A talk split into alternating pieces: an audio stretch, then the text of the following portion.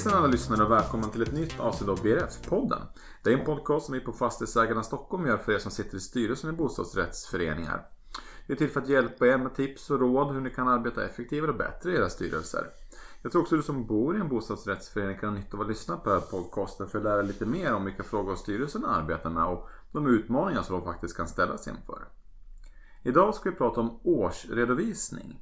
Och med mig för att göra det har jag Kristoffer Andersson, gruppchef på Fastighetsägarnas Service och ekonomisk förvaltare. Välkommen hit Kristoffer. Tack så mycket. Eh, ja, vi brukar gå rakt på ämnet här i podcasten, så jag tänker vi gör det nu också. Vad är en årsredovisning egentligen? Ja, årsredovisningen är ju ett dokument som eh, de allra flesta bostadsrättsföreningar åker på att producera åtminstone en gång om året.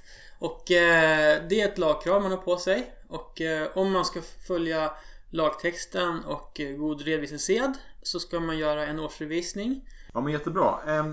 vilka delar ska då en årsredovisning innehålla för att vara komplett? Ja, det ser lite olika ut beroende på föreningens storlek och vilka val man gör. Men en årsredovisning innehåller alltid en förvaltningsberättelse, styrelsens förvaltningsberättelse, en resultaträkning och balansräkning. Man kan också lägga till en kassaflödesanalys. Eh, och utöver det så har man noter och noterna är ju till för att förklara olika poster i balans och resultaträkning respektive kassaflödesanalysen om man har en sådan. Och på slutet så brukar det också finnas en revisionsberättelse och den skriver revisorn. Just det. Vilka av de delarna är det lagkrav på? Ja, det är egentligen eh, balans och resultaträkning, eh, noter samt en förvaltningsberättelse. Just det. Och har man då en revisor så ska ju revisorn då skriva revisionsberättelse efteråt. Mm. Där den förklarar hur revisionen av föreningens, inte bara gäller själva årsredovisningen, utan även dels bokföring, årsredovisning, men också styrelsens förvaltning av fastigheten och föreningen. Att man följer stadgar och lagkrav. Så det, det finns en... Det, det, är inte många sidor men det är mycket som måste göras. Mm, mm, jag förstår. Men om vi lite kort går igenom de här uh, punkterna, de här områdena i årsredovisningen. Om vi börjar då med förvaltningsberättelsen eller årsberättelsen. Mm. Du vet lite kort, vad är det för något? Ja, det är ju någonting som har ändrat eh, karaktär en del över åren. Men eh, det vi ser i en förvaltningsberättelse det är att vi får en del formalia kring föreningen. Vi får reda på lite grann när föreningen bildades, när stadgarna registrerades. Vi får reda på information om antalet medlemmar i föreningen. Det har vi krav på oss numera. Vi får reda på om styrelsens sammansättning. Eh, också information om fastigheten brukar tas upp i en bostadsrättsförening. Det är ganska vanligt att man skriver när fastigheten förvärvades, i vilken kommun den är belägen. Mm. Man brukar också passa på att ta upp uppgifter som är av intresse för läsaren. Vi brukar alltid säga att tänk på, och där säger vi då till styrelseledamöter, tänk på att när ni skriver förvaltningsberättelsen så ska ni tänka på läsaren. Och läsarna kan ju vara lite olika personer. Vilka är de då, skulle man kunna tänka på i huvudsak? Ja, det man brukar säga som de huvudsakliga målgrupperna för årsredovisningar utöver föreningens egna medlemmar. De tror jag att man alltid tänker på när man gör en årsredovisning. Men utöver det så brukar vi också ta upp mäklare. Eh, mäklare, banker, revisorer. Eh, vi, även allmänheten i sig. Prospektiva köpare som kan tänka sig att köpa in sig i föreningen och bli medlem vill ju ha en årsredovisning som ger rätt information. Mm. Jag vet att vissa brukar skriva lite mer utförligare om kanske kommande renoveringsplaner och liknande sådana saker. Tycker du att det ska vara med och är det vanligt att det är det? Jag tror att det blir vanligare och vanligare och jag tror att Framförallt nu när vi ser att en del föreningar har börjat redovisa förluster på grund av bokföringsmässiga krav. Att det blir viktigare att man från styrelsens sida sätter ord på hur man har planerat upp föreningens ekonomi, vilka åtgärder som har utförts. Och det är ju också så att vi har sett att när det blir större värden i bostadsrätter, när, de, när det sker transaktioner där mellan olika privatpersoner, så kommer också det blir större krav på föreningen och föreningens styrelse att ge information kring ekonomin. Det är helt enkelt större värden på spel. Just det. Och suget efter mer information kanske ökar också. Intresset att veta hur det faktiskt lägger till. Självklart. Och mm. här, här är det ju så att årsavgiften, föreningens egen skuldsättning och underhållsplaneringen i föreningen blir ju viktigare och viktigare för den som läser årsredovisningen. Mm. Så egentligen är det, du säger, det är bra egentligen att man är lite utförligare i, i förvaltningsberättelsen och ger dem information? Absolut, och jag brukar alltid säga det. Om ni har någonting som ni vet mer att ni tänker göra, till exempel att ni tänker höja årsavgiften om ett år. Passa på och skriv det då. Så att det inte kommer någon senare som har köpt in sig efter efteråt i föreningen och sen säger att det här fick jag inte reda på. Det är mycket bättre att vara öppen och rak och kommunicera till alla. Och årsredovisningen är ett jättebra tillfälle att få med sånt här. Mm. Ja men jättebra. Om vi går vidare då. Eh, resultaträkning, vad är mm. det för något? Ja, resultaträkningen visar ju föreningens eh, resultat över en viss period. Och det vanligaste är att man har kalenderår och att man då redovisar från och med januari till och med december och man visar intäkter, kostnader och resultat. Bra. Ehm, och eh, till kopplat till den finns det en balansräkning. Ja. Vad är en balansräkning då? Balansräkningen den visar föreningens ställning, dess ekonomiska ställning vid, viss, vid en viss tidpunkt. Och eh, det brukar vara 31.12, alltså slutet på året, så gör man en genomgång över vilka tillgångar, skulder som finns samt eget kapital. Mm.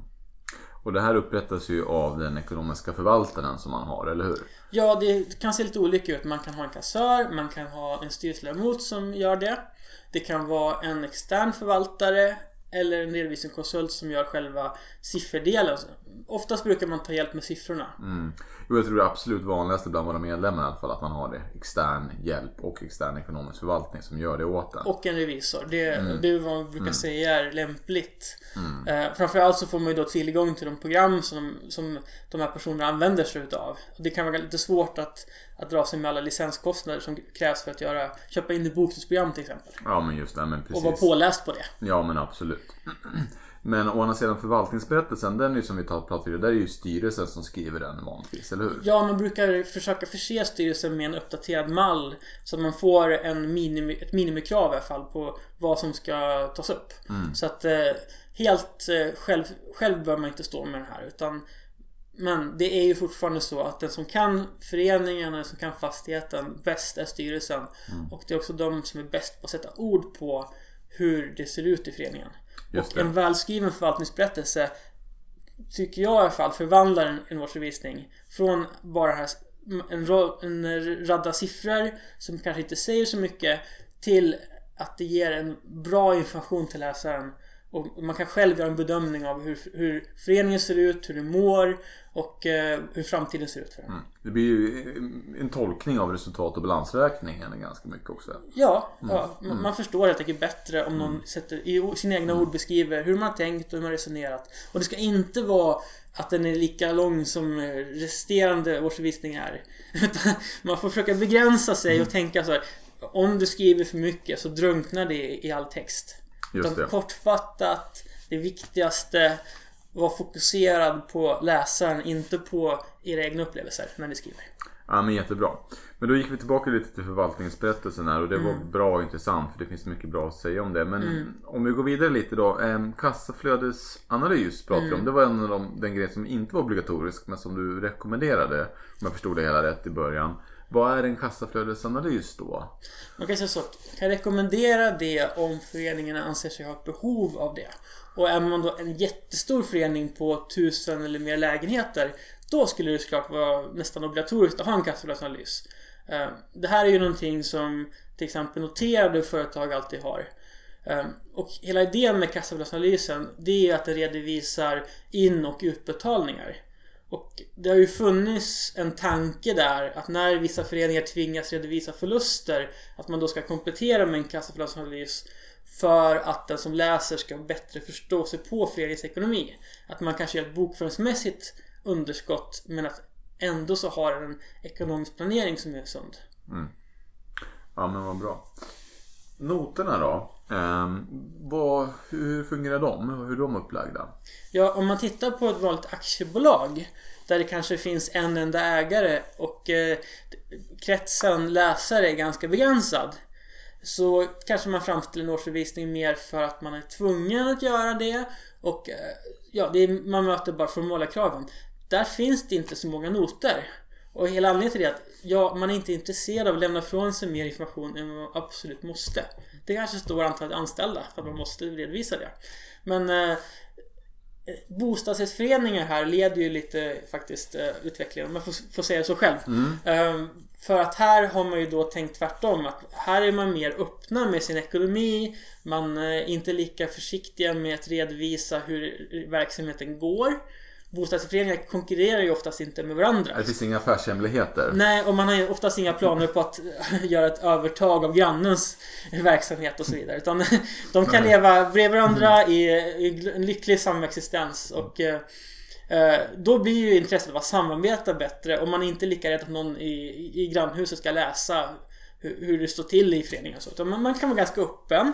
Och eh, därför bruk, har det varit vanligt att man från förvaltarnas sida till exempelvis har ganska ut, uh, utvecklade not, notsystem. Att man har, man lämnar ganska mycket upplysningar som standard helt enkelt.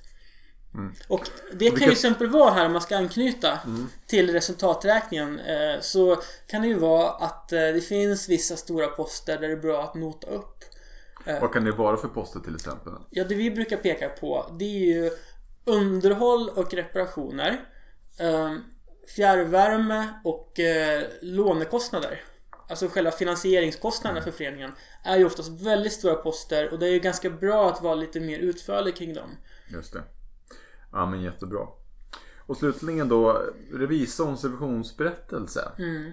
Hur, hur brukar den vara utformad och hur är den upplagd? Jag går tillbaka till ett par år. Till exempel när jag började jobba med det här så var revisionsberättelsen ett par rader.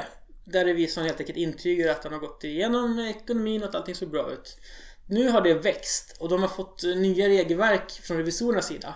Jaha okej, och vad innebär de här nya regelverken då för revisionsberättelserna? Ja, det som har hänt är att eh, det har utökats antal sidor och revisorn är mycket mer utförlig kring sitt arbete nu än tidigare. Men det många upplever är att det blir svårare att läsa revisionsberättelsen och förstå sig på revisorns uttalanden. Just det. Ja men bra, då har vi gått igenom de momenten som finns i en årsredovisning. Du pratade tidigare om att bostadsföreningen ligger lite i framkant, i alla fall att driva utvecklingen med noter i redovisningarna. Eh, och generellt mycket när man pratar utveckling så händer det mycket på digitaliseringsområdet. Ser du några trender där inom årsredovisning? Ja, det vi ser det är att det har under ett par år faktiskt varit så att man inom redovisningsområdet har kunnat erbjuda fler digitala tjänster. Man har börjat gå över på elektronisk fakturahantering, mer analyser. Kunderna har själva kunnat komma in och se sin, sin bokföring i realtid. Och det börjar nu svälla över på rapportering och årsredovisningar. Och det, På vilket sätt då? Ja, det främsta vi ser det är ju det här, en ökad efterfrågan på eh, nyckeltal och jämförelser med grannföreningar. Just det, just det. Eh, Man vill helt enkelt kunna se hur man ligger till ekonomiskt och jämföra sig med andra föreningar. Precis, och eh, man vill också kunna visa upp det i sin årsredovisning. Det blir ju extra intressant på vissa heta marknader som i Stockholm där det blir väldigt eh, viktigt att visa upp hur man står sig mot sina grannföreningar till exempel. Mm, just det.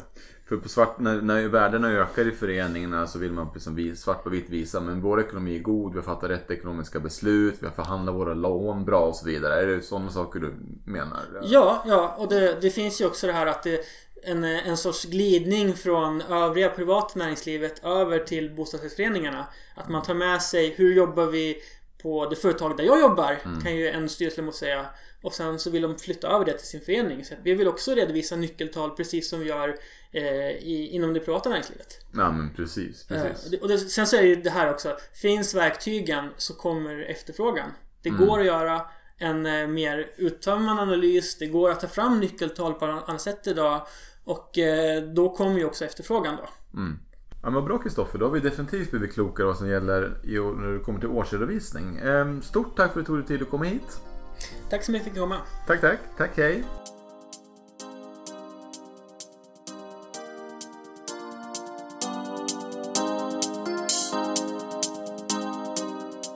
Du har precis hört en avsnitt av BRF-podden. Hoppas du tyckte det var intressant och lärorikt precis som våra tidigare avsnitt.